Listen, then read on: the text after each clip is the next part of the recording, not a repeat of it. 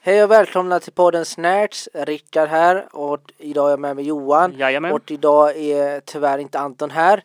Men eh, det går bra ändå. Och idag har vi en gäst med oss, nämligen en präst idag. Och eh, hej och välkommen. Tack så mycket. Och vad är det du heter? Jag heter Petter. Eh, kul att eh, du ville komma. Jätteroligt att vara här. Eh, vi, ska, ja, men vi ska prata lite med dig idag helt enkelt. Lite grann om eh, vad gör en präst? Liksom. Ja. Det är man ju jättenyfiken på. Mm. Eh, men jag, vi, nu har vi ju träffats lite innan här och hade lite kaffe och sådär, eller känna varandra lite så. Mm. Jag vet inte om vi behöver kan vi köra på direkt lite här eller i, I'm ready. eh, ja. Så eh, Johan, du har lite frågor här. Lite grejer.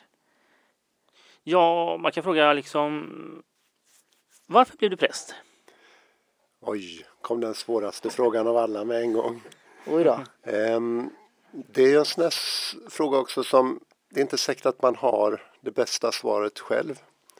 Det är förmodligen så att det kan finnas väldigt många orsaker, inte bara till att man blir, blir präst utan att man väljer överhuvudtaget vad man väljer i livet. Och det är inte alltid man kanske förstå själv alltid varför saker blir som de blir. Men jag brukar tänka att när jag kom till tro först och eh, när jag sen lite senare bestämde mig för att bli präst så var det som att jag såg mitt liv i ett nytt ljus. Egentligen tror jag att jag har haft med mig min, min tro väldigt tidigt i livet. Från min mamma och eh, från människor jag har mött och upplevelser jag varit med om.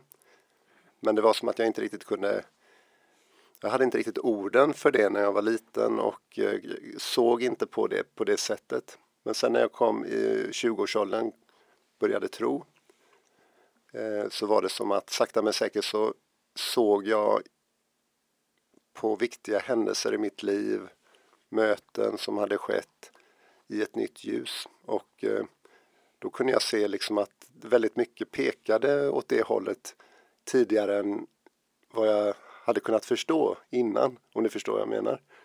Ja, jag, jag förstår. Men då i alla fall eh, så, eh, så var det, för att försöka ändå förtydliga lite så var det så att när jag var runt 20-årsåldern så träffade jag det som skulle bli min fru, Karin heter hon. Och vi hade egentligen känt till varandra sedan vi var 8-9 år för vi har varit på samma lägergård på, på somrarna på Sparreviken. Okej. Det är en eh, gård som ligger i Ljungskile. Ett väldigt fint ställe. Om ni någon gång åker dit så kommer ni se att, eh, att det är en jättevacker plats. Och där kom jag på somrarna som liten på, på lägerverksamhet och ja, tyckte att det var en fantastisk plats och människorna var väldigt omtänksamma. Och, och eh, eh, där träffade jag också då Karin men vi kände bara till varandra när vi var, var små och var där på läger. Men sen i 20-årsåldern då så, så blev vi kära och blev ett par och då tog hon med mig, bokstavligen tog mig i handen och tog med mig in i, i en kyrka. Okej. Och då var det som att det som redan hade grott inom mig som små frön liksom, det, det var som att någonting öppnades för det. Och eh, jag kände ganska snart väldigt starkt att det här, här hör jag hemma. Och eh, då fick jag hjälp rätt snart att förstå att ja, men jag skulle nog kanske kunna passa som präst. Så så var det. Så, eh, så kan man säga då typ så att, eh, att det var din fru då som, som på något sätt eh, eh, banade världen till att du blev präst då? Jag tror hon i alla fall spelar en väldigt viktig roll. Jag tror att Ja. många personer och många händelser har varit viktiga men jag tror att hon på något sätt ledde mig den sista biten för att inse det. Så brukar jag tänka i alla fall. Ja. Ja men ja. Eh, men eh, jag, jag, har en fråga här bara som jag är väldigt nyfiken på. Mm. Varför har man, varför har, för jag ser ju på det att du har en väldigt tjusig trade där, Mm. prästtrade. Mm. Och varför, eh, vad, hur, vad är historien med det? Mm. Om man frågar. Den frågan var bra. Den vet jag inte om jag kan riktigt. Jag vet att eh, prästkragar är ju någonting som inte fanns från början i kyrkans historia utan om man tänker sig Jesus och hans lärjungar så gick inte de runt med prästskjortor och prästkragar utan det har kommit senare. Förmodligen har det varit eh, i historien att inte bara präster utan, utan eh, människor som ofta kanske hade en ganska stark ställning i samhället, olika ämbetsbärare. Eh, de hade lite finare, eh, mer påkostade kläder med ofta lite eh, utsmyckade kragar. Det kan man se på målningar från, från eh, medeltiden och framförallt från renässansen, alltså 14, 15, 1600-tal. Så jag skulle gissa, utan att veta detta, jag skulle gissa att prästkragen börjar växa fram ordentligt eh, vid den tiden. Och då i början så hade man egentligen inte en sån här liten blygsam krage som jag har på mig nu utan man hade som man kan se som prästerna i Danmark fortfarande har sån här, eh, nästan som dragspelskragar som Oj. går runt eh, hela nacken. Eh, så där, jag, jag trivs ganska bra med den här lite mer eh, eh försiktiga modellen. Ja. ja, men det, för det är väl lite som eh, slips. Det här att man, eller det här att man måste, att man har knäpp så vid, vid halsen liksom. Eller Mm. Ja, du vet så här taj, lite tajt. Ja. Det kan ju vara lite jobbigt ibland nu tycker jag när det är varmt och så. Mm. Jo, men jag kan också känna så ibland att det är rätt skönt eh, att knäppa upp, ta sig kragen, knäppa upp skjortan. Det, jag trivs i min person rätt bra med lite lösare eh, kläder. Ni ser, jag har shorts på mig här och kommer sandaler. Och, ja. Men det passar ju inte alltid som präst utan ibland får man Nej jag får säga att jag förväntade mig inte det. Att jag skulle se dig i shorts. Om jag får säga så. Eh, men väldigt tjusiga röda shorts har du. Ja, ja, jag tycker om dem. Jo, men jag tycker att med det här vädret som vi har nu med den värmen som är så, så får man ju vara lite klok också. Jag tänker om, om, nu, om nu den Gud som jag tror på i alla fall eh, vill att vi ska vara lite smarta också och inte, inte bara ha eh, eh, ståtliga kläder på oss utan också njuta av årstiden som är. Då är det lättare att göra det om man inte har för mycket påpälsning. Och... ja. ja. Men, eh, ja, men, men, vad, men vet du vad, vad, vad, vad står traden för? Eller liksom vad, mm. vad, vad är det som, ja har det något? Ja, i, i början som sagt så tror jag att det var sådana här kragar tror jag hade eh, bars av inte bara präster utan av människor med olika ämbeten. Kanske människor som jobbar i domstolar och eh, ja, med, med, lite statusmarkör. Eh, men nu för tiden så står det för att man jobbar antingen som eh, präst eller diakon i, i kyrkan. Och I Svenska kyrkan så, så har präster och diakoner sådana här prästkragar. Så ser man skillnad på diakonen har grön skjorta medan prästen har andra färger på sin skjorta. Oftast har man ju svart skjorta men det tyckte jag också var lite varmt eh, att ha idag. Men för, för, jag är inte så bra på allting, eller så här kan så mycket. Vad är en så här, vad sa du, diakon? Mm. Vad, vad, vad, är det för ja. något? Och det kan betyda lite olika i olika eh, samfund eller olika kyrkor. Men i Svenska kyrkan då så, eh, och själva ordet diakon det betyder tjänare. Och det kommer från, det står på, i, i Bibeln då när, när eh, apostlar, alltså när Jesus hade dött och som man då trodde att han hade uppstått och eh, människor kyrkan växte fram i tron på det då och eh, fick i uppdrag att eh, på något sätt sprida det här budskapet. Då eh, ganska snart så förstod man att om vi ska klara av detta då behöver vi dela upp arbetsuppgifterna mellan oss. Och då fick det som skulle bli sen kallas för präster, de fick i uppdrag att förkunna, att berätta om Jesus, om evangeliet. Men då behövde ju, det var ju jättemycket annat som behövde göras också. Man kunde inte bara berätta med ord utan man behövde berätta med handlingar, gärningar också. Man behövde dela ut mat, man behövde se till att människor hade ja, någonstans att bo, att de mådde bra och så. Och då fick diakonerna rätt tidigt den här särskilda uppgiften att ta hand om det praktiska. Ja, att se till att människor fick mat var, det, var en av de viktigaste uppgifterna då. Och, eh, och då, då kom de att kallas för diakoner helt enkelt. Mm. Okay, ja, här lär man sig väldigt mycket. Mm. Mm. Du eh, Johan, har du, har du något mer där? Som... Eh, ja, det var en fråga här. Vad är skillnaden mellan Svenska kyrkan och Pinks... Vad säger man? Pingstkyrkan? Pingstkyrkan, ja. ja Just det. Um, och um, då skulle vi nästan haft någon från Pingstkyrkan här också som kunde berätta om sin syn på det. Men, men det finns ju många samfund kan man ju börja med att säga. Eh, många kyrkor med lite olika namn och så. Eh, men kyrkorna har ju ofta det gemensamt att man, att man tycker att Jesus är väldigt bra. Mm. Det han sa och det han gjorde och man vill försöka förmedla det vidare på olika sätt. Eh, man kan säga att utifrån ett historiskt perspektiv så är Pingstkyrkan en mycket yngre kyrka. Den eh, föddes eh, på 1800-talet i det som kallas för väckelsen eller tidigt 1900-tal. Och eh, det var ehm, om man tänker Svenska kyrkan och många andra stora kyrkor hade blivit ganska nära eh, förbundna med staten. I Sverige då med svenska staten och människor kände ibland att det var lite påtvingat det här med att tro och att gå i kyrkan och man blev liksom en medlem i Svenska kyrkan bara för att man, man föddes och sådär och många kände att nej, vi vill kunna uttrycka vår tro lite friare. Mm.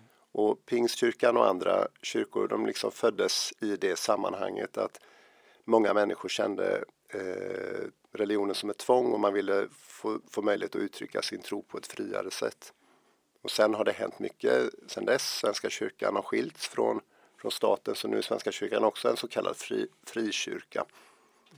Um, man tittar på, om man går till en gudstjänst i Svenska kyrkan och så går man på en i Pingstkyrkan så kommer man se en del skillnader. Till exempel prästen i Svenska kyrkan har ofta lite mer eh, ehm, särskilda kläder som används för gudstjänstfirande. Till exempel en vit eh, klänning eller särk som kallas för alba eller röcklin. Och så brukar man ha någon färgglad typ halsduk, en ståla kallas det för, som signalerar var i kyrkåret man är. Eh, för olika delar av kyrkåret har olika färger. Så nu har vi haft den vita färgen på oss eftersom vi har firat eh, påsk och levt i påsktiden och snart kommer vi ha den gröna färgen eftersom vi går in i sommarens eh, färger som handlar mycket om växande i tro och så. Eh, men om du går i pingstkyrkan så brukar inte prästen där ha eller pastorn som man då ofta kallar kyrkoledaren i pingstkyrkan brukar inte ha den typen av, av kläder. Ehm, Gudstjänsten i Svenska kyrkan har en del ålderdomliga inslag, musik och sånger och formuleringar som har funnits med väldigt länge i kyrkans historia. Mm. Annars är det mycket likt också. Okay. Men det här, är, men är du präst typ ja, men 24 timmar om dygnet? Mm. Alltså, är, alltså är det någonting som för vissa som kanske, ja med yrke så är man det när man och sen så är man är man det under jobbet och sen så är man ja, något annat sen efter det. Mm. I, i, men hur funkar det? är, måste, är man det hela, ja, men hela tiden då så att säga? Mm. Jo, det, man är, präst, är man präst då är man det eh, fulltid 24-7. Ja, man tar inte semester från att vara, vara präst men däremot så har man ju eh, man är ju inte hela tiden i tjänst. Man, man har ju ledig, man har arbetstid och man har ledig tid och man har semester. Men, men det är inte så att man slutar vara präst på sin semester. Um, men egentligen så kanske det är liknande för, för många människor. Även om du frågar någon som är till exempel lärare så tror jag många lärare skulle ändå säga att jo, men jag är ändå alltid lärare men just nu är jag ledig. Och då när man är ledig då, kan, då får man ju lite grann värdera hur viktigt det är. Om man kan, jag, jag som präst jag kan ju få meddelande även när jag är ledig. Mm. Och då brukar jag titta på det meddelandet, lyssna om det på telefonsvararen eller läsa om det på, på mail eller messenger. Och så brukar jag fundera på, är det här ett meddelande som är brådskande? Eller är det eh, någonting som kan vänta tills jag, min arbetsdag börjar imorgon igen? Eller är det någonting som jag kanske måste vidarebefordra till någon annan som inte är ledig? Eh, men man är hela tiden präst. Mm. Men, men, men vad, vad är det du, eh, alltså kan det vara, eh, vad är det som, som man säger, kommer det folk in på kyrkan och ber dig om hjälp, typ råd eller om saker och ting eller liksom att, eller hur, hur fungerar det liksom mm. sådär? Mm förutom då att leda gudstjänster som är kanske prästens viktigaste uppgift, eller en, av de viktigaste i alla fall, på söndagar men också andra tillfällen, begravningsgudstjänster, vigselgudstjänster, dop. Så är ju en viktig del av mitt arbete i alla fall att ha samtal. Och då brukar det vara så att människor hör av sig till mig och frågar om jag, om jag kan ha ett samtal med dem. Mm. Och de kan komma ofta kommer en fråga på, på mail. Eh, ibland så är det någon som ringer. Mm. Ibland så är det någon som kommer efter en gudstjänst och frågar om vi kan hitta tid för samtal. Mm. Och då brukar det vara så här att vi har ju också diakoner som jag nämnde förut. Diakonerna har också mycket samtal och diakonerna kanske oftare har samtal som handlar om ekonomiska svårigheter eller hur man ska få ihop eh, sitt, sitt liv praktiskt. Men om man kommer till prästen kanske det ofta handlar om ja, hur man har det med sin tro eller hur man har det med sina relationer på mm. ett annat plan. Ja. Men, men eh, vad skulle du, eller kan du ta ett exempel typ vad någon skulle ställa dig för fråga och, och vad du sen i sin tur kan mm. göra då? Mm. Det kan vara någon som kommer till mig och säger att den hade en stark tro som barn. Mm. Men olika saker i, i den människans liv har gjort att den har tappat sin tro. Och att den gärna skulle vilja tro men att den inte kan det. Mm. Och då, för det första så brukar jag tänka att jag, jag kanske inte kan göra alltid så mycket men det jag kan göra är att lyssna på den här människan. Mm. Och få eh, ge den ett tillfälle att berätta om hur den tänker att varför den tappade sin tro. Mm. Och ibland så kanske jag, kan, kan man kanske hjälpa till att få perspektiv och ja, försöka se på erfarenheter utifrån ett annat utifrån ett annat håll. Och ibland kan det kanske hjälpa en människa att hitta tillbaka, kanske inte alltid till en tro på Gud men till liksom att bli lite mer vän med det som har hänt, att inte det tar för mycket kraft och energi från, mm. från en människa. För det är ofta det som är väldigt jobbigt. Att vi alla råkar ut för saker som gör att vi behöver fundera på, på våra liv. Men när det blir när det tar för mycket kraft från oss. Mm. Det blir svårt att sova, det blir svårt att fungera vanligt, kanske svårt att komma vidare med saker vi skulle vilja göra. Mm. Då, då, kan det bli ett stort problem. Mm. Och den typen av frågor kan jag ofta få. Men hur är det med det här med att synda? Mm. Det är ju ett, vet inte riktigt hur erfarenhet du har med det men man att hör synda? Ibland, ja, mm. Jo då, men jag har mina att bli, bli förlåten av Jesus eller vad man, mm. förlå, alltså bli förlåten, alltså att ja. Hur, hur, har du dina erfarenheter av sånt? Liksom, att, ja. mm, nej men förlåtelsen är ju, det är ju mycket riktigt, det är ju jätteviktigt för Jesus. Han pratar väldigt mycket om just förlåtelsen och jag tror att det handlar väldigt mycket om det här att Jesus förstår hur mycket tid och kraft och hur svårt det kan vara att leva i bra relationer med varandra om vi inte kan förlåta oss själva och mm. varandra. Sen så är det ju ibland väldigt svårt att förlåta. För ibland kan mm. det ha hänt sådana saker som mm ja, som bara är väldigt svåra att förlåta helt enkelt. Ja. Och kanske inte, det kanske inte ens är bra att förlåta dem för snabbt. Man kanske behöver sin tid att bearbeta och, mm. och få också lov att ha sin tid att bli arg och besviken. Men, men det är riktigt att Jesus pratar mycket om förlåtelse och det, det tror jag handlar om att han förstår att om vi inte kan förlåta då, då blir vi liksom bundna mm. till det som har hänt och det tar väldigt mycket kraft eh, från oss. Ja. Um, Sen själva ordet synd är ju intressant. Mm. Det, det, kommer från det forntyskan. Okay.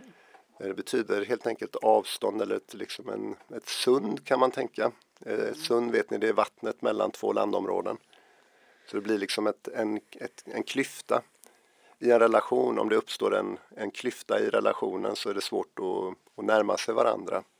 Och då kan man tänka i relation till varandra som människor och man kan tänka i relation till till Gud, kanske också i relation till sitt eget inre. Mm, och, eh, och då kan det vi kallar ibland för synd och det kan bli liksom ett, ett, eh, ett ord mm. som vi mm. använder för den där brutna relationen. Och då kan eh, ja, förlåtelse men också men jag tror kanske, jag tror att förlåtelse är jätteviktigt men jag tror man behöver inte ha för bråttom alltid att komma till förlåtelsen utan det första kan ju vara att bara få lov att reflektera kring vad var det som hände egentligen var det egentligen så mycket mitt fel som jag först tänkte att det var? Eh, hur, mycket, hur mycket av detta var mitt eget ansvar? Hur mycket var någon annans ansvar? Hur mycket kanske bara var otur? Eh, och det kanske vi aldrig får svaret på, men att det är viktigt att, att få lov att fundera över det. Eh, mm. Ja, men jag, själv, jag kan berätta lite själv att jag vet att det, ja, men det, man har varit, råkat ut för cancer med någon person så här, så, eh, så vill man inte förlåta den för det var tufft men man men det är jobbigt liksom att då bära hela tiden på, på det här och så eh, har det gått kanske många år men till slut så det, det är svårt att beskriva men det bara kommer en känsla över den att man känner att ja, men nu är jag redo att förlåta den där personen ändå. Jag känner att det är okej okay och det är, det är en väldigt kraftfull känsla. Men efter man har kommit där och förlåtit den här individen det känns så skönt och bra efteråt. Mm. Man känner sig så fri, mm. kan man säga. Mm. Eh, och sen om det har, om hur, om hur det är, om det har med tro eller hur, hur, vem det är som gör att eller vad det är som gör att man, att man eh, varför det blir så, men, men det är i alla fall det är väldigt härligt mm. att känna så. Men som du säger, det tar tid för mig. Det tog några år liksom att komma till den mm. punkten liksom. Ja, man brukar ju säga att tid, tid läker många sår. Så, mm. så kan det nog vara. Ja. Um, ibland så, så har man inte någon att vända sig till någon annan människa eh, för att be om förlåtelse eller för att ge förlåtelse. Och du frågar om det Johan, hur kommer detta i, liksom, hur hänger detta ihop med Gud och Guds förlåtelse? Och det är väl då som, som det kan tillföra mycket att få vända sig till Gud i, mm. i bön om förlåtelse. I alla fall så tänker kyrkan så. Ja.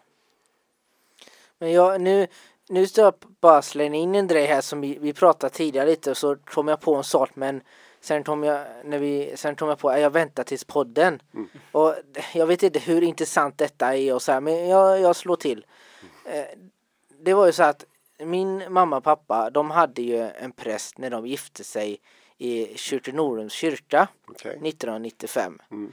Men eh, sen så st skulle de eh, döpa mig då. Mm. Eh, jag är född 1995 men jag undrar när jag döptes. Men strunt samma. Men jag skulle döpas i kapellets kyrka. För att det var där prästen jobbade. För de ville ha samma präst. Mm. Och, och sen föddes min lillebror 1998. Mm. Då var prästen och jobbade i Örsmåls kyrka. Mm. Och, och då skulle då slart min bror skulle, skulle döpas där. Mm. Så det är därför vi har min familj tre olika kyrkor. För att de, blev, de vill ha samma präst. Okay. Ja. Mm. Och jag, det där måste ju varit, det måste ju varit himla det finaste man kan nästan få som präst. Mm. Eller? Att man förflyttar sig så. Um, det är väldigt fint att få döpa flera barn ifrån samma familj eller kanske få även dela både glädje och sorg. Att mm. kanske man har haft en begravning och sen så får man viga någon i, i samma familj. Och det, det är väldigt fint att kunna få följa eh, människor på det sättet över tid. Vilket man kan få om man är präst på samma ställe under ett antal år. Är det någonting som du själv har erfarenhet av detta? Eller? Jo, jag har varit här i, i Stenungsund och i Ödsmål i snart tio år. Mm. Så att jag har fått möta människor både i stor, stor sorg och stor glädje. Mm. Har du känt att det har blivit mycket känslor ibland? Alltså om ett barn kanske gått bort eller något mm. annat som gör, kan det påverka dig eller är det bara att det, det går liksom mm. harmoniskt eller kan du känna ibland nej det här var det här var känslosamt. Mm.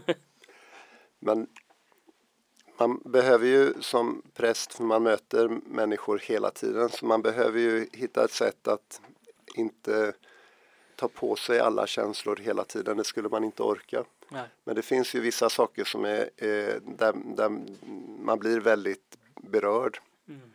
Och det är ju det svåraste som jag, som jag upplevt i alla fall, det är när eh, ett barn har dött. Mm. Eller när någon eh, begår självmord. Det är också ja. väldigt svårt. För då lämnas de som lever vidare lämnas med mycket känslor av att livet inte blev klart, att det tog slut alldeles för tidigt. Mm. Och det finns många frågor som man inte får svar på. Nej. Så det, det, är ofta det tyngsta, det är att möta den typen av sorg. Mm. Och då, är, då bör man bli berörd. Eh, mm. Eh, och då bör man tycka att det, det är tungt och det, det gör man. Ja, det, det är tufft men nu när vi är inne på det här tuffa då tänkte jag bara fråga är eh, om du har det varit någon, någon som har kommit till dig och känner att den vill avsluta sitt liv och vad, vad, vad händer då liksom? Vad, vad, vad gör du då liksom? Ja, jag har varit med om det eh, på lite olika sätt. Jag har också varit med jobbat för någonting som heter kyrkans telefonjour. Och då eh, kan det ringa in människor var som helst i Sverige. Och man har ingen mer makt än att man sitter i andra sidan telefonen och eh, lyssnar på den personen vad den har att berätta. Och sen när telefonsamtalet har avslutats då kan man inte spåra vad som hände den personen. Och så. så jag har varit med om det både, både på det sättet men också i, i fysiska möten med människor som har sagt att de inte orkar leva längre. Oj. Och det, mm. det är tungt och samtidigt så får man komma ihåg att väldigt många människor har någon gång tankar om att de inte orkar leva. Ja. Och de allra flesta mm. hittar sätt att orka leva. Så ja. ja jag brukar mm. också försöka tänka att det är lite mänskligt att någon gång känna att det är för tungt att leva. Mm. Ja men jag, jag, jag, jag kan ju tycka att på grund bland annat av mitt tillstånd och sådär att det, blir, det är tufft att leva. Mm. Att man kan faktiskt känna så ibland att nej men jag orkar inte mer, det, det är för tufft. Men samtidigt är det ju också ett sånt underbart liv att leva. Mm. Och det, det är mycket det också som i alla fall för mig då håller mig Alltså det är det som jag kämpar för, alltså det här ja men livet liksom. Mm. Ja. För att så, men, men jag förstår verkligen att alltså det, det är jättetufft ibland, mm. får jag verkligen säga. Mm. Um, Ja, det är så fint sätt att beskriva. Jag kan inte säga det bättre själv men det, det är, ibland är, är det så tungt att vara människa. Det, ja. det är så. Eh, man mm. förlorar människor man, man älskar. Ja. Man möter svårigheter i livet mm. som gör att man inte kan göra det man hade ja. drömt om. Um, och man, man tvivlar eller man har svårt att orka mm. med sin vardag. Och så, så samtidigt så, så, är, så är det så fullt med under, underbara saker också, ja. livet. Så att, eh, att hitta det perspektivet tror jag det, det är en nyckel ja. till att vara människa. Men jag, eh, jag tänkte på, alltså man går lite djupare man säger så här mm. att mm. ja, man, vi, vi lever mellan himmel och helvete liksom i livet. Alltså vi lever med det jobbiga i livet och mm. det roliga i livet liksom. Mm. Men jag tänkte på det här man, man säger vila i frid. Mm vad, vad menas exakt liksom vila i frid? Alltså, mm. det, budskap, är det, ja, det kan du förklara för kanske. Det är en väldigt bra fråga Johan. Mm. Vila i frid. Jag vet inte, men jag tror att det har att göra med föreställningar om att, li, att på något sätt, vad händer efter en människa har mm. dött? Och att man önskar att det inte ska bli någonting ja, en jobbig tillvaro för den människan utan att det ska vara någonting fridfullt. Um, jag, jag, tror att det är så. Jag tänker för, för de flesta, eh, för jag brukar ändå utgå ifrån att den människa som har dött på ett eller annat sätt hamnar i Guds händer och på ett eller annat sätt når sin frid där. Mm. Men eh, du har rätt i att, det, att man säger så, vila i frid. Ja, det uttrycker att man kanske har eh, funderat kring vad händer egentligen med, med en människa efter, efter döden. Blir det fridfullt eller inte? Ja. Jag tror att det blir det. Alltså jag har ju sett lite så här, det kanske är ett annat där med så här program som handlar om liksom eh, kontakt från andra sidan liksom. Mm. Mm. Och väldigt ofta så har det varit lite om det här att de frågar mår du bra? Ja. De säger ofta jo, jag mår väldigt bra nu.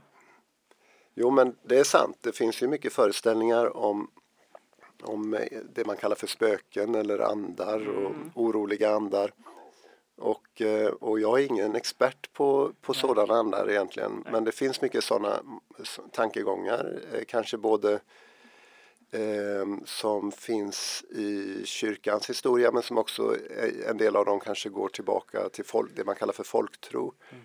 Och, eh, och ja, jag, jag tror att man kan ibland um, det kan dra iväg lite väl långt i fantasin kring sådana väsen. Men vem är jag att säga exakt vad som kan röra sig på den andra sidan? Jag vet inte. Nej, det...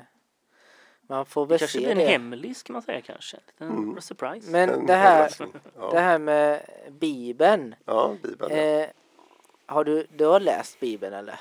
Jag har läst Bibeln, jag gillar att läsa i Bibeln, jag läser Bibeln mycket, men det är svårt. Jag, jag har aldrig lyckats att läsa Bibeln perm till perm, liksom, från, från första till sista sidan i ett svep.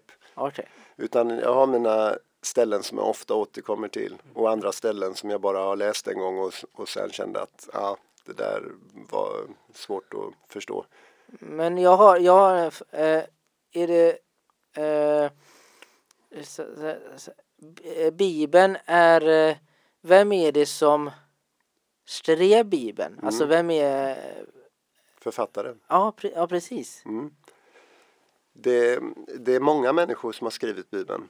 Det förstår vi om vi läser Bibeln och om vi läser forskning om Bibeln så förstår vi att det, Bibeln, det vi kallar för Bibeln idag det är skrifter som har tillkommit under många århundraden, eh, mer än 2000 år.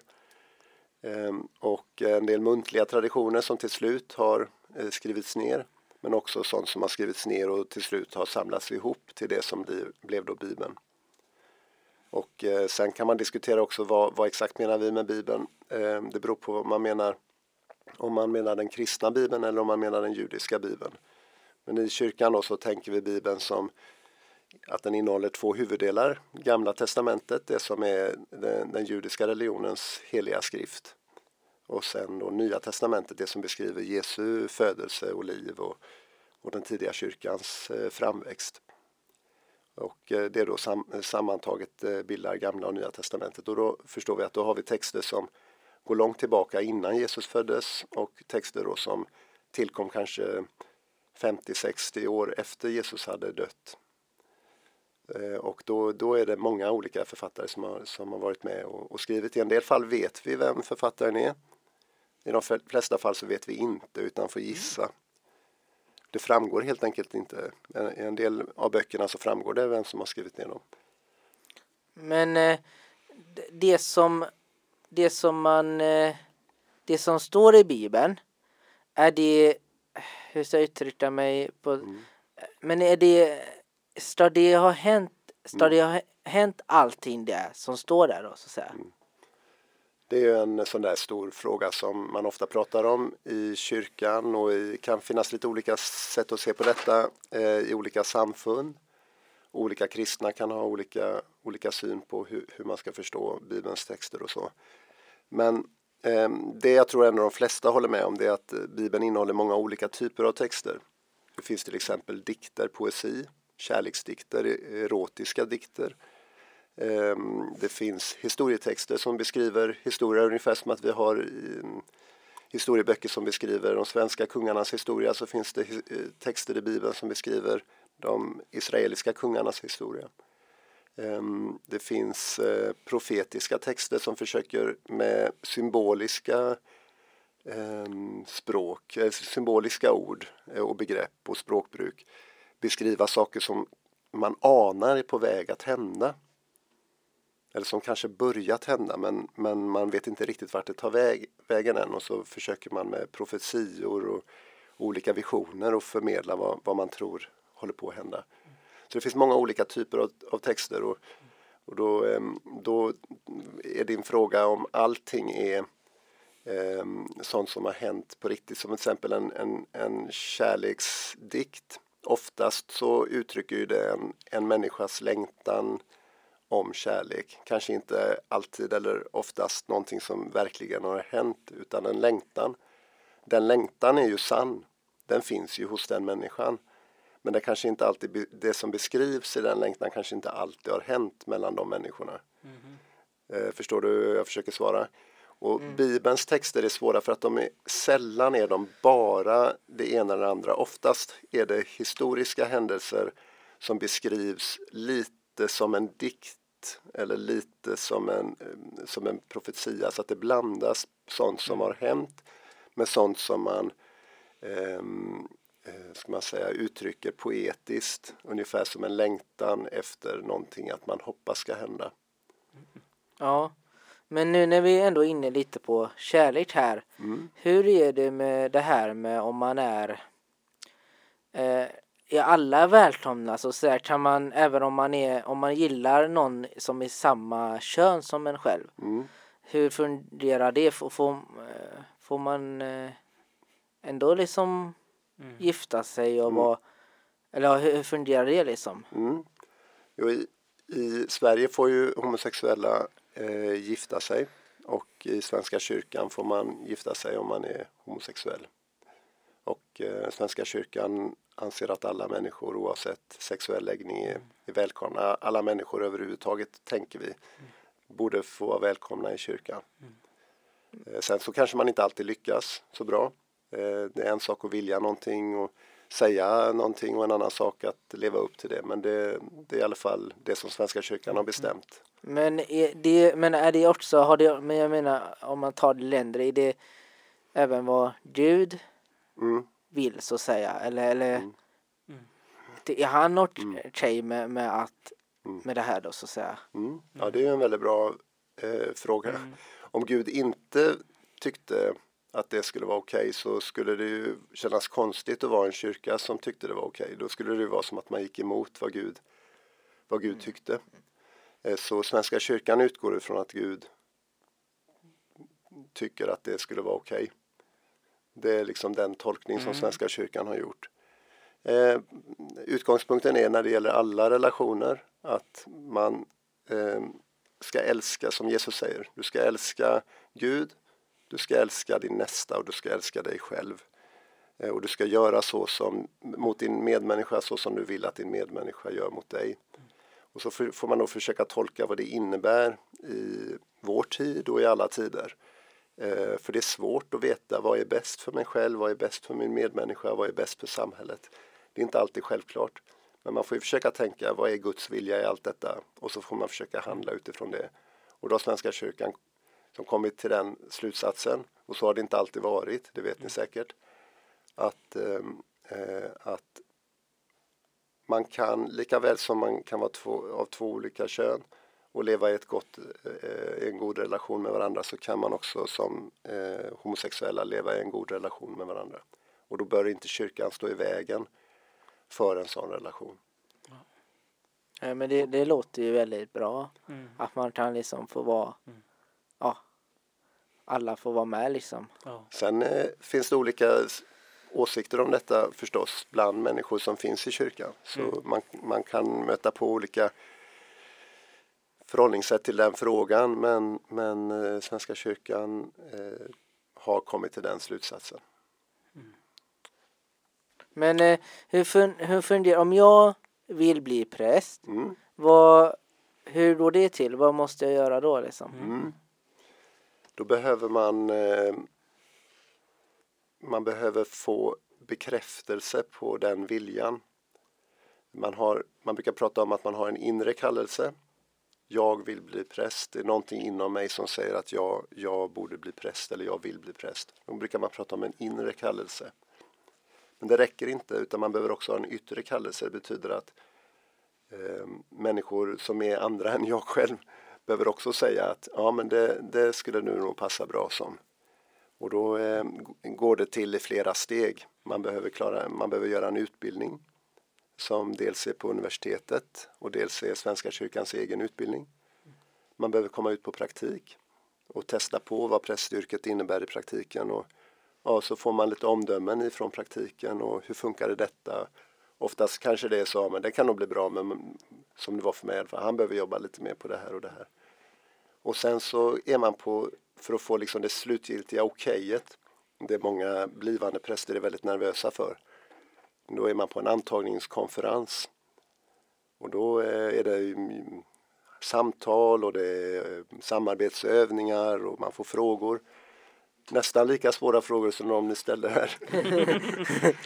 eh, och eh, till slut så är det en grupp, eh, biskopen och grupp, en grupp människor som, biskopen är den som leder kyrkan i i regionen i det vi kallar för stiftet här, Göteborgs stift då. Eh, och så tillsammans med biskopet en, liksom en grupp med personer som, som funderar på, på varje då kandidat, blivande, den person som vill bli präst. Är det här nu lämpligt? Och så väger man samman och så ofta kommer man till ett ja. Om man har kommit så långt så brukar man få ett ja. Men någon gång så får man ett nej. Och ibland så får man ja, men först vill vi att den här personen gör, går lite samtal eller gör lite mer praktik och så. För det är viktigt att när man väl är präst så är man redo för det. Är det svårt att bli präst då? Liksom, alltså det är mycket som krävs att eh, förbli det då eller? Liksom. Alltså utbildningsmässigt så, eller? Um, Ehm, det, är, det kan vara väldigt svårt. Det beror ju såklart på vad man har lätt för. Ehm, men det är, det är säkert de utbildningar som är, det finns många utbildningar som nog är, är svårare för mig. Det är det ju säkert. Så för mig var det inte för svårt utan menar, min, min fru hon är läkare och när jag tittat på en del av det hon har studerat och lärt sig så tycker jag oj det där verkar ju jättesvårt. Men hon har ibland sagt oj det där verkar, jag, när jag har läst vissa saker som jag skulle läsa för att bli präst, då skulle jag läsa eh, Bibelns grundspråk. Eh, det var, då läste man grekiska och hebreiska. Mm. Nu kan man få dispens för det, om en del människor har kanske lite svårt att lära sig nya språk, då kan man få dispens för det. Men, men jag ville gärna läsa både grekiska och hebreiska. Och det är klart att då, då eh, finns det många som tycker det oj, jättesvårt, alltså mm. väldigt, väldigt svårt. Men det är så, vi har lätt för olika mm. saker och svårare för andra saker. Kan du prata hebreiska eller ortodoxiska nu då?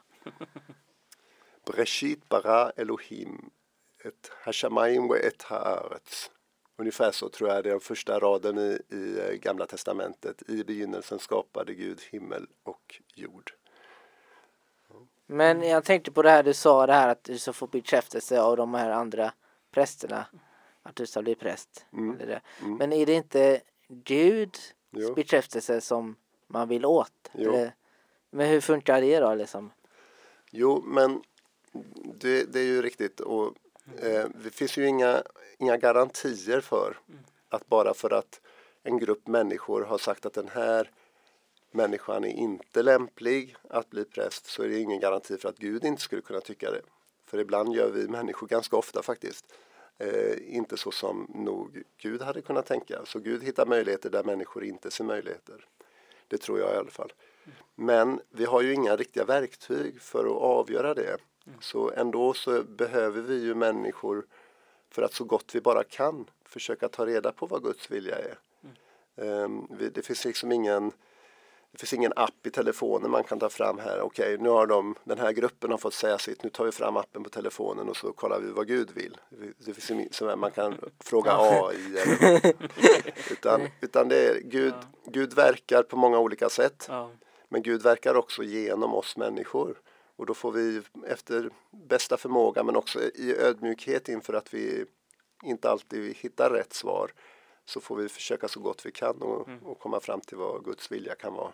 Men du eh, tror på Gud. Mm. Ja.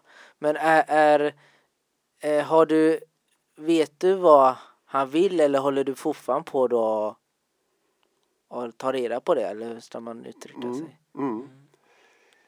Jag, lite grann försökte jag säga det innan men jag jag tänker så här, Gud är alltid större än vad vi människor kan greppa, så tänker jag.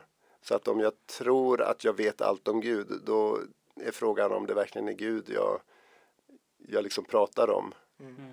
För Gud är alltid större. Men, men jag, jag tänker ändå att Gud är bra på att visa vem Gud är.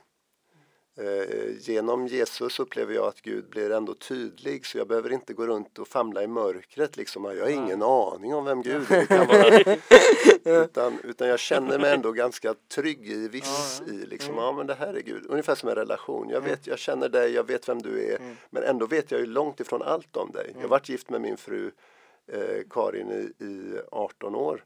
Och va, liksom, eh, jag känner henne väl. Verkligen. Men vem är hon? Men vem är hon? Exakt, man blir överraskad ändå. Och så är det med, med Gud också, att det både är så ja ah, men jag vet precis och samtidigt wow, var, detta, var det detta också? Och, eh, och så tänker jag att det får lov, lov att vara. Det är en grundtrygghet men ändå en öppenhet för att jag har långt ifrån alla svar. Men, det, men jag tänkte, det, det, sen är det ju många, eller det är ju vissa så här också som tänker på att, att om nu, eller om Gud finns, Mm. var, varför är det då elände och sånt där då? Mm. Så här att, eh, liksom så då att, att eh, ja, eller hur, hur, hur har du någonting där? Och, vad, vad, Det, det är en olöst eh, fråga kan man säga efter 2000 år minst. Det, det kan man brukar kalla för teodicé-problemet. Om nu Gud är så mäktig och Gud vill bara gott, eh, hur kan det då finnas så mycket ont i världen? Eh, och det finns, som jag ser det, finns inget riktigt bra svar på den frågan.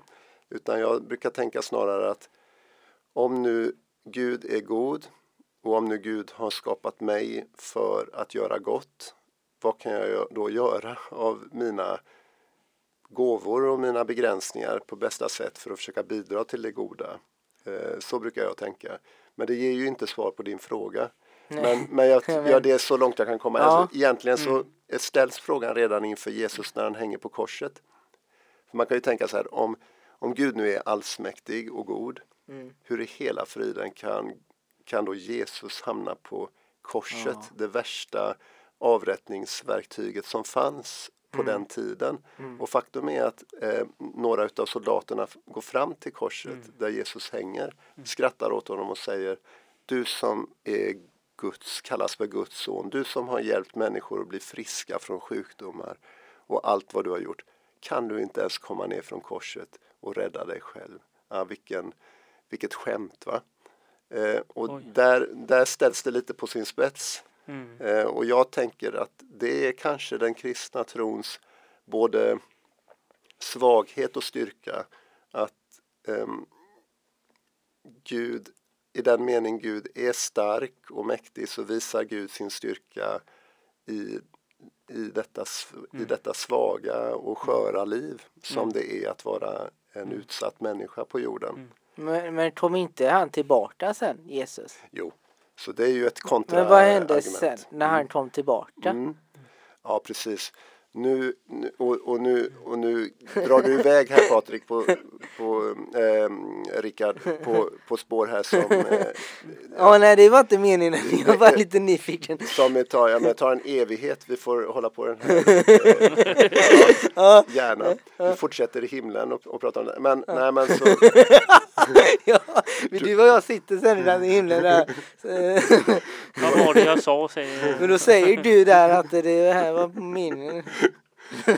Mm. Men du har Ja, rätt, du ursäkta har rätt eh, Rickard, det är en viktig sak du lyfter fram här utifrån kyrkans perspektiv då att det är klart det, var, det blev inte det sista ordet som soldaten sa där till Jesus Nej. på korset utan sen ehm, på tredje dagen, alltså eh, två dagar senare, det här var ju långfredagen, eh, på, på påskdagens morgon då när, man, när kvinnorna kommer med, för att smycka graven, den här klippgraven där de hade lagt eh, Jesus. Då är stenen bortrullad och eh, graven är tom. Och det blir liksom symbolen för ehm, eh, Jesu uppståndelse, att Jesus har på något sätt på något obegripligt sätt ehm, övervunnit, överlistat döden. Och det, det liksom blir grunden för den kyrka som växer fram. Eh, men det, det är klart, det ger inte svar på varför det fortsätter finnas så mycket ondska i världen. Så, så på något sätt så finns ändå korset kvar som symbol för att Gud visar sin makt i, i den här sköra, eh, sårbara världen. ja. Men det är, sen är det någonting som mm, de, man hör ibland.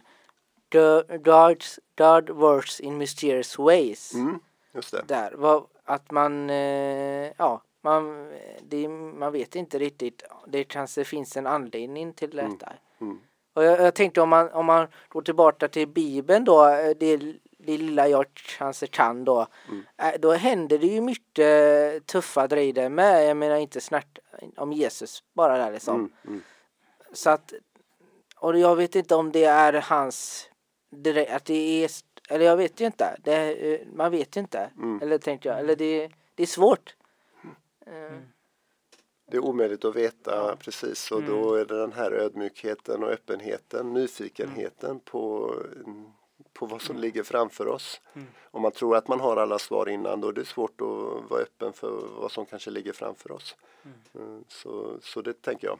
Gud verkar på mysteriska sätt och mystiska sätt och eh, Mm. kanske har kanske har planer för oss som vi ännu inte ens kan, kan ana. Mm. nej. Men jag tror att det är någonting gott som ligger framför. Ja. Ja, det, det får man eh, verkligen hoppas. Sen tänkte jag på en annan grej. Mm. Ehm, hur är det med olika arbete, typ som volontärarbete och så inom Svenska kyrkan? Gör ni mycket? Åker ut i något, olika länder och Mm. Okej, du menar, eh, jag tänkte först att du menar volontärer som kommer och jobbar i Svenska kyrkan, men du menar Nej. att Svenska kyrkan Ja, åker ut så exakt. Mm. Jo, vi har, Svenska kyrkan är ju en jätteorganisation Mm. så vi bedriver väldigt mycket olika typer av arbete. Vi, Förutom det här va- vanligaste som man kanske tänker då, som jag nämnde förut med gudstjänster och Mm. samtal och våra grupper, barngrupper, konfirmandgrupper och grupper Ja. för äldre och så vidare. Ja. Så har vi ju även verksamhet på fängelser, sjukhus, Oj, okej. äldreboenden och vi har verksamhet i andra länder. wow. Eh, det kan vara allt från långvariga samarbeten, Mm. vänförsamlingar, vänrelationer som har byggts upp i flera generationer. Men det kan också vara katastrofhjälp. Människor Mm. som drabbas av eh, naturkatastrofer eller att det blir eh, stora flyktingströmmar. Så Mm. Ja. försöker Svenska kyrkan hjälpa till. Och, Ja, väldigt, ja, det är spännande och eh, det är väldigt positivt faktiskt när jag hör det här. Svenska kyrkan är en fin organisation, jag är Mm. glad för den. Eh, den. Den rymmer väldigt mycket olika typer Mm. av arbete och människor som kommer från olika håll och, och Mm. olika erfarenheter. Så det är en jättespännande organisation att vara en del av. Och det är människor så att det är också människor Mm. med sina brister så som det finns på alla platser. Ja, faktiskt. Men vad, vad, vad gjorde du, får man lov att fråga, vad, vad jobb, hade du för yrken sånt innan du blev präst? Mm. Vad gjorde du då? Mm. Så jag är 43 år nu, jag blev präst för eh, 12 år sedan.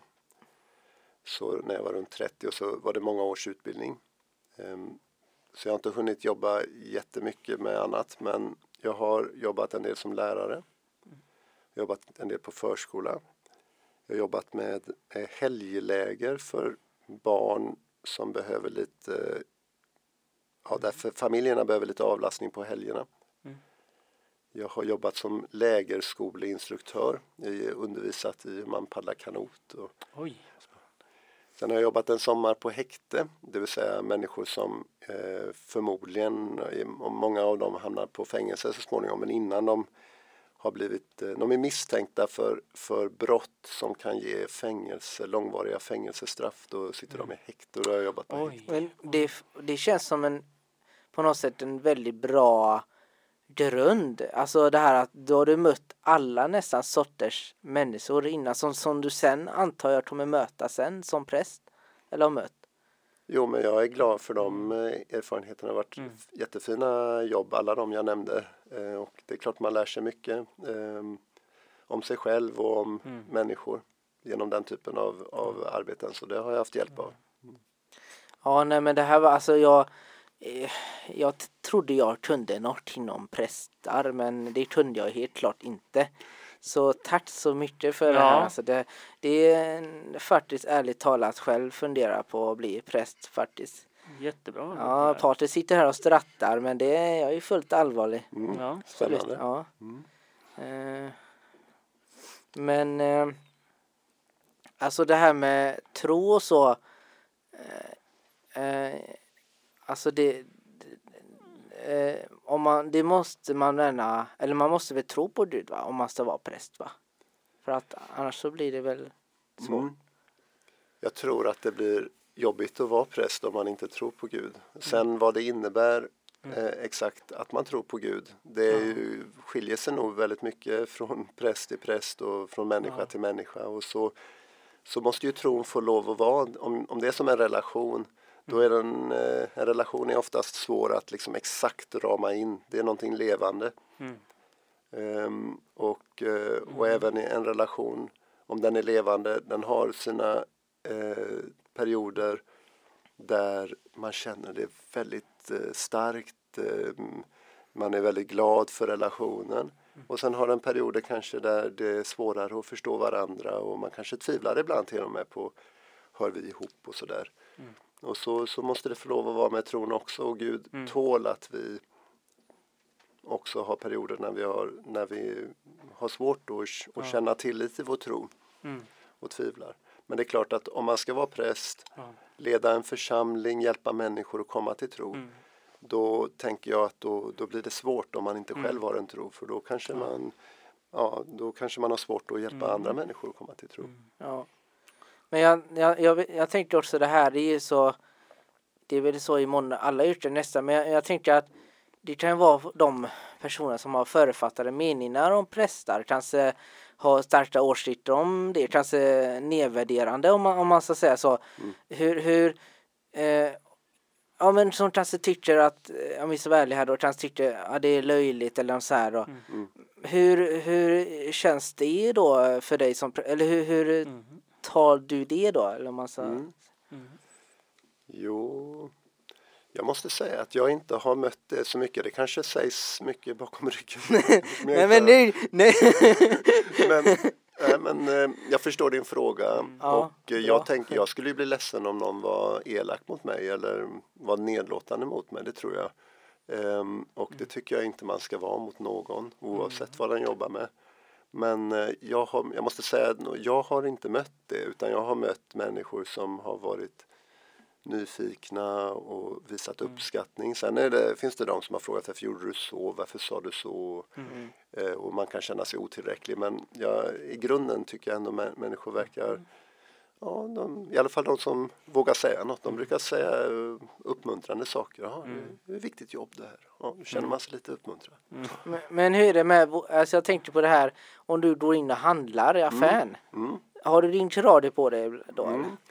Det, ja, den, blir folk så här, är det folk som är tittar då eller är tysta eller, eller, eller inte vårdar eh, mm. eller, eller blir det en annan atmosfär på något sätt när du mm. kommer in där? Eller? Det blir det, mm. ibland. Och ehm, eh, jag, jag sa ju det förut att jag gillar ju lite ledig klädsel. Mm. Så det händer ganska ofta att jag knäpper upp skjortan Eh, men jag hade, jag hade, jag har presskortan på mig ändå rätt ofta mm. när jag är i affären och det var härom eh, veckan mm. så hade jag det och jag märkte att en person tittade på mig ganska mycket när vi stod i kassan och jag träffar ju väldigt mycket människor i samband med begravningar till exempel som jag kanske inte hinner prata med så utan, utan eh, ofta kanske de känner igen mig men jag känner inte igen dem då. Mm. Så jag liksom förstod att, så jag nickade och, och log lite vänligt och sen när jag kom ut från affären så stod den här personen och väntade på mig. Ja. Och, och sa, åh jag måste få fråga dig en sak. Och, och då eh, ville den fråga om det som vi kallar för treenigheten i kyrkan. Mm. Den hade hört från en... Vad är det för något? Ja, det är ju så här att i kyrkan man kan ju tänka sig som en triangel. En triangel är ju en geometrisk figur som har tre sidor. Det är en, en form, den, det är en form med tre sidor. Och då tänker man ibland i kyrkan att Gud är en Gud som visar sig på tre olika sätt som Fadern, den som har skapat världen, som Sonen, den som Gud visar sitt ansikte, sitt mänskliga ansikte genom mm. och som den heliga anden då, den här mm. kraften eh, ja. som bor inom oss och som gör att vi mm. håller samman fast vi, vi är olika och så vidare. Eh, och då så sa den här personen, ja men då var det en person som sa till mig att det är Fadern som är Gud. Och så var det en annan som sa att det är anden som är Gud. Jag förstår inte hur det går ihop och så kunde jag förklara det här då att ja, men i kyrkan tror vi att det, det är en Gud men som visar sig på tre sätt. Mm. Och så sa den personen oj det låter ju väldigt vettigt. Okej, oj! Ja, ja, då känner man sig lite uppmuntrad. Men ja. liksom, apropå den här frågan vad mm. händer om man har presskragen mm. i affären? Då kan, det, då kan man få den typen av frågor. Ja. Men eh, jag tänkte finns det fördelar? Så här, blir det ofta bjuden på kaffe och tårta och Mm. ja. sådana grejer eller? Ja, om man gillar kakor så kan man verkligen överväga. Och det, det är, jag har, jag har, eh, min fru säger jag får eh, max ta en kaka. Så jag brukar säga det när jag, för det, man blir bjuden på väldigt massa kakor. Och ofta underbart eh, goda eh, kakor. Så att eh, det, det får man se upp med lite. Att man eh, får inte äta för mycket kakor. Jag, får säga, jag får säga, du ser bra form ut så Ja. det, det, det går ju bra antagligen. Tack. Ja, men jag håller mig till min frus eh, hon, eh, Ja, ja, maxantal där på kakor. ja, just det. Ja, jag tog nog tre sådana här Sylvia-kakor förut som du. Men de var rätt så små. Ja men eh, det är, om inte din eh, fru hör detta förstås så det stannar detta mellan oss. Åh gud. Men jag tänkte på en annan. Hur, hur ser du på Alltså det här med tro på Gud. Mm. Eh, Hur ser du i Alltså i Sverige just för alltså många andra länder är ju religion väldigt viktigt och så men Mm. Mm. hur är det liksom gått i perioder eller sådär att Mm. med det här att tro? För jag vet eh, någon präst som sa att han ville ta hand om få ungdomar att bli intresserade av liksom religion och det varit, ibland kanske varit lite svårt och så men vad, vad tror du är Kommer det bli mer eller, eller hur är liksom det här troendet liksom i Mm. om jämför med andra länder och liksom Sverige? Ja, det är också en stor, bra, svår fråga. Ja. Mm, som man funderar mycket på. Mm. Ehm, jag tänker nog egentligen så här att alla människor har inom sig, på, som tar sig uttryck på olika sätt, Mm. det vi kan kalla för ehm, tro. Mm. Behöver, man kanske inte använder ord som Gud eller religion, Nej. men man har reflektioner kring Mm. Vad är meningen med min tillvaro? Var kommer allt liv ifrån? Vad är så att säga, det större syftet med, med människan och, Mm. och så vidare och så vidare. Och ehm, väldigt många människor därutöver eh, har jag märkt i samtal och, Mm. och när man lyssnar. Eh, förutom, förutom det har också ofta en reflektion kring en gudstro. Även om de inte kallar sig kristna eller religiösa så ofta så har de ändå eh, en reflektion kring, kring Gud och saker som har hänt och sådär i Mm. deras liv. Så jag tror i, nog egentligen att människan är, har en andlig dimension som finns med liksom vare sig man vill eller inte och den Ja. kan ta sig både positiva och negativa och alla möjliga Mm. olika uttryck och formuleras på väldigt många olika sätt. Sen är ju en annan sak det är ju det här med engagemanget för den kristna tron och för kyrkan. Där eh, vi har gått från en situation i Sverige, det har ju växlat genom århundradena Mm. och det är inte så förfärligt länge sedan ehm, eh, som de, den kristna tron kom till. Det, den spred sig väldigt fort i södra Europa. Men det tog lång tid för den att komma till norra Europa om man ser det från ett, ett större historiskt perspektiv. Ehm, och, eh, och sen då så eh, fram till för ungefär 150 år sedan så, så var man väldigt tvungen att, att, att gå i kyrkan och man var liksom tvångsansluten. Ehm, och då kan man ju fråga vad är, vad är det religiösa i det och vad handlar om maktstrukturer och vad är både och svårt att avgränsa. Ja. Och så har vi kommit in i ett skede där man faktiskt på man var driven, inspirerad av andliga perspektiv, delvis från kristendom men också från andra religioner som sa att det är en grundläggande mänsklig rättighet för människan eh, utifrån att Gud har skapat oss alla lika. Att människan inte ska kunna bli tvingad till att tro eller behöva uttrycka sin tro på ett, annat, på, på ett visst sätt. Och då kan man ju hävda att det är ett uttryck för en viss typ av religiositet att faktiskt få säga att nej, jag är inte religiös. Mm. Så det, det är en ganska komplicerad diskussion egentligen. Ja. Men det är klart att om vi tycker att eh, den kristna tron är viktig eh, då behövs ju människor som, eh, som berättar om den. Mm. Eh, och det behövs människor som engagerar sig positivt för den. Och då tänker jag att då behöver eh, kyrkan kunna samla och kanalisera ett sånt engagemang. Och det engagemanget tror jag eh, gärna skulle må bra av att bli större. Mm. Ja, men det var intressant. Men vad, vad, det finns ju, vi, du och jag pratade tidigare om att jag gillar ju film och så. Mm.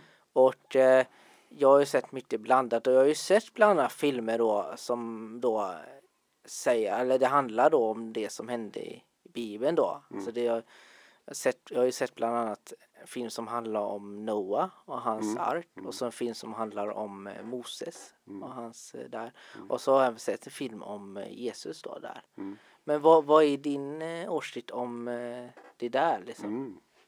Ha, eh, är det okej att jag ser de här eller liksom eller är det något eller hur fungerar det liksom? Det tycker jag absolut att det är okej att se på film och, och se på filmer om Moses och Noa och Jesus också. eh, men det är klart att eh, det är vanskligt att göra film om, om, eh, om eh, historiska personer, om personer som betyder mycket för många människor. Därför att eh, man, man eh, som filmmakare eller som författare av en bok och så, så det är klart att man, man kan ju bara göra den filmen eller den boken utifrån sin egen uppfattning. Och det, då begränsar man bilden också. Men jag tänker att det är ofrånkomligt och alternativet skulle vara att vi inte kunde göra film och, och böcker om viktiga människor. Och, och då tycker jag ändå det är bra att man gör det. Men det är bra att det finns olika filmer och att man tittar på film och läser böcker med den lite kritiska blicken att det här är, är liksom ett sätt att se på den här människan. Men det finns ju jättemycket bra och spännande film om Jesus. Ja, för, har, du- är det någonting själv du har erfarenhet detta och sett se sådana filmer? Ja.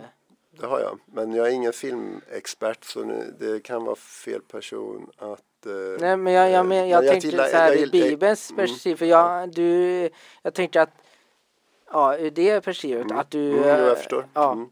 Men jag tyckte mycket om till exempel en film som inte är så ehm, som jag minns att många i kyrkan tyckte var jobbig för den gav lite, liksom en annan, lite annan tolkning än den ka- kanske Ja. vanligaste. och vad det var detta? Ja, vad heter den nu? Last Temptation of Jesus eh, Christ tror jag den heter. Scorsese tror jag. Jajamän, den, eh, det är faktiskt den jag tänkte på. Mm.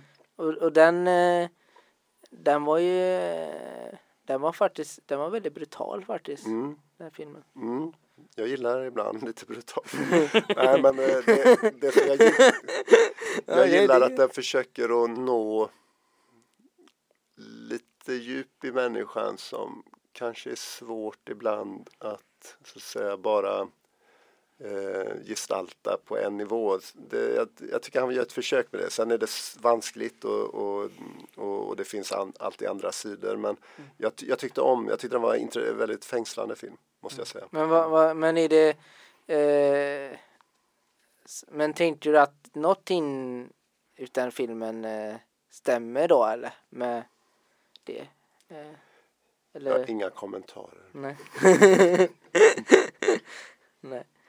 Nej, men det, jag tänkte också det kan vara, vissa har ju svårt att läsa eh, Mm. och, och kanske svårt att ta till sig någonting från en bok och Ja. Bibeln är ju också det är ju en bok så den har inga bilder Mm. heller väl och den har mycket text och så så då kan det ju vara lättare att ta till sig om man ser en film Mm. men däremot som du säger så får man ju tänka på det att det är, det är inte riktigt så kanske det Mm. var tänkte jag Mm. Eh, men, Nej, det är en viktig poäng du har eh, och, eh, och, det, och så har det väl alltid varit. Det, det, det har varit långt ifrån alla som har kunnat eh, läsa eh, och eh, som har svårt, eh, haft svårt att ta till sig berättelser med, med ord. Eh, och därför så redan tidigt i kyrkans historia så, så eh, gestaltade man de här berättelserna på många olika sätt. Genom dramatiseringar, eh, genom mycket tak och kyrkmålningar.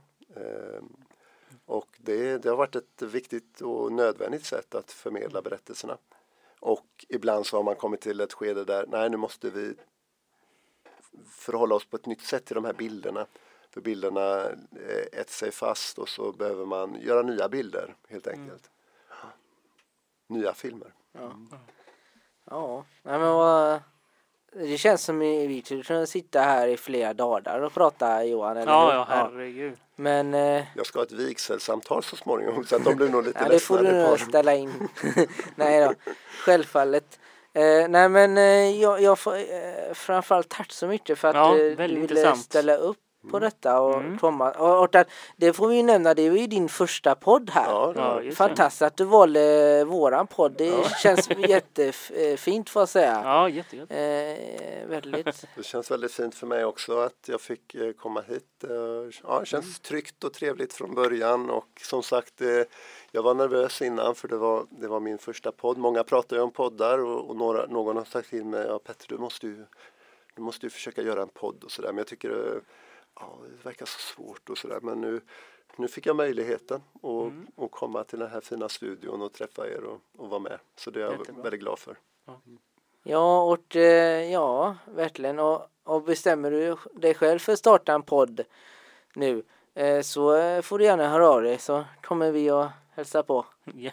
Schysst, tack. Skitbra. Vet jag Eller nu pratar jag för dig Johan. Ja. Men jag kommer i alla fall. Yes, Ja, det var det. ja tack så jättemycket. Yes. Tackar, tackar. Eh, förresten, eh, vi, du får, om det är någonting du gärna vill säga Mm. så får du gärna passa på att säga det nu Mm. till de som lyssnar om det är något du känner Mm. Då vill jag säga tack till er som har lyssnat och eh, glöm inte bort att du är värdefull. Wow. ja, jag kunde inte sagt det bättre själv. Hej då, ha det bra nu. Ha det bra allihop. Hej då. Hej.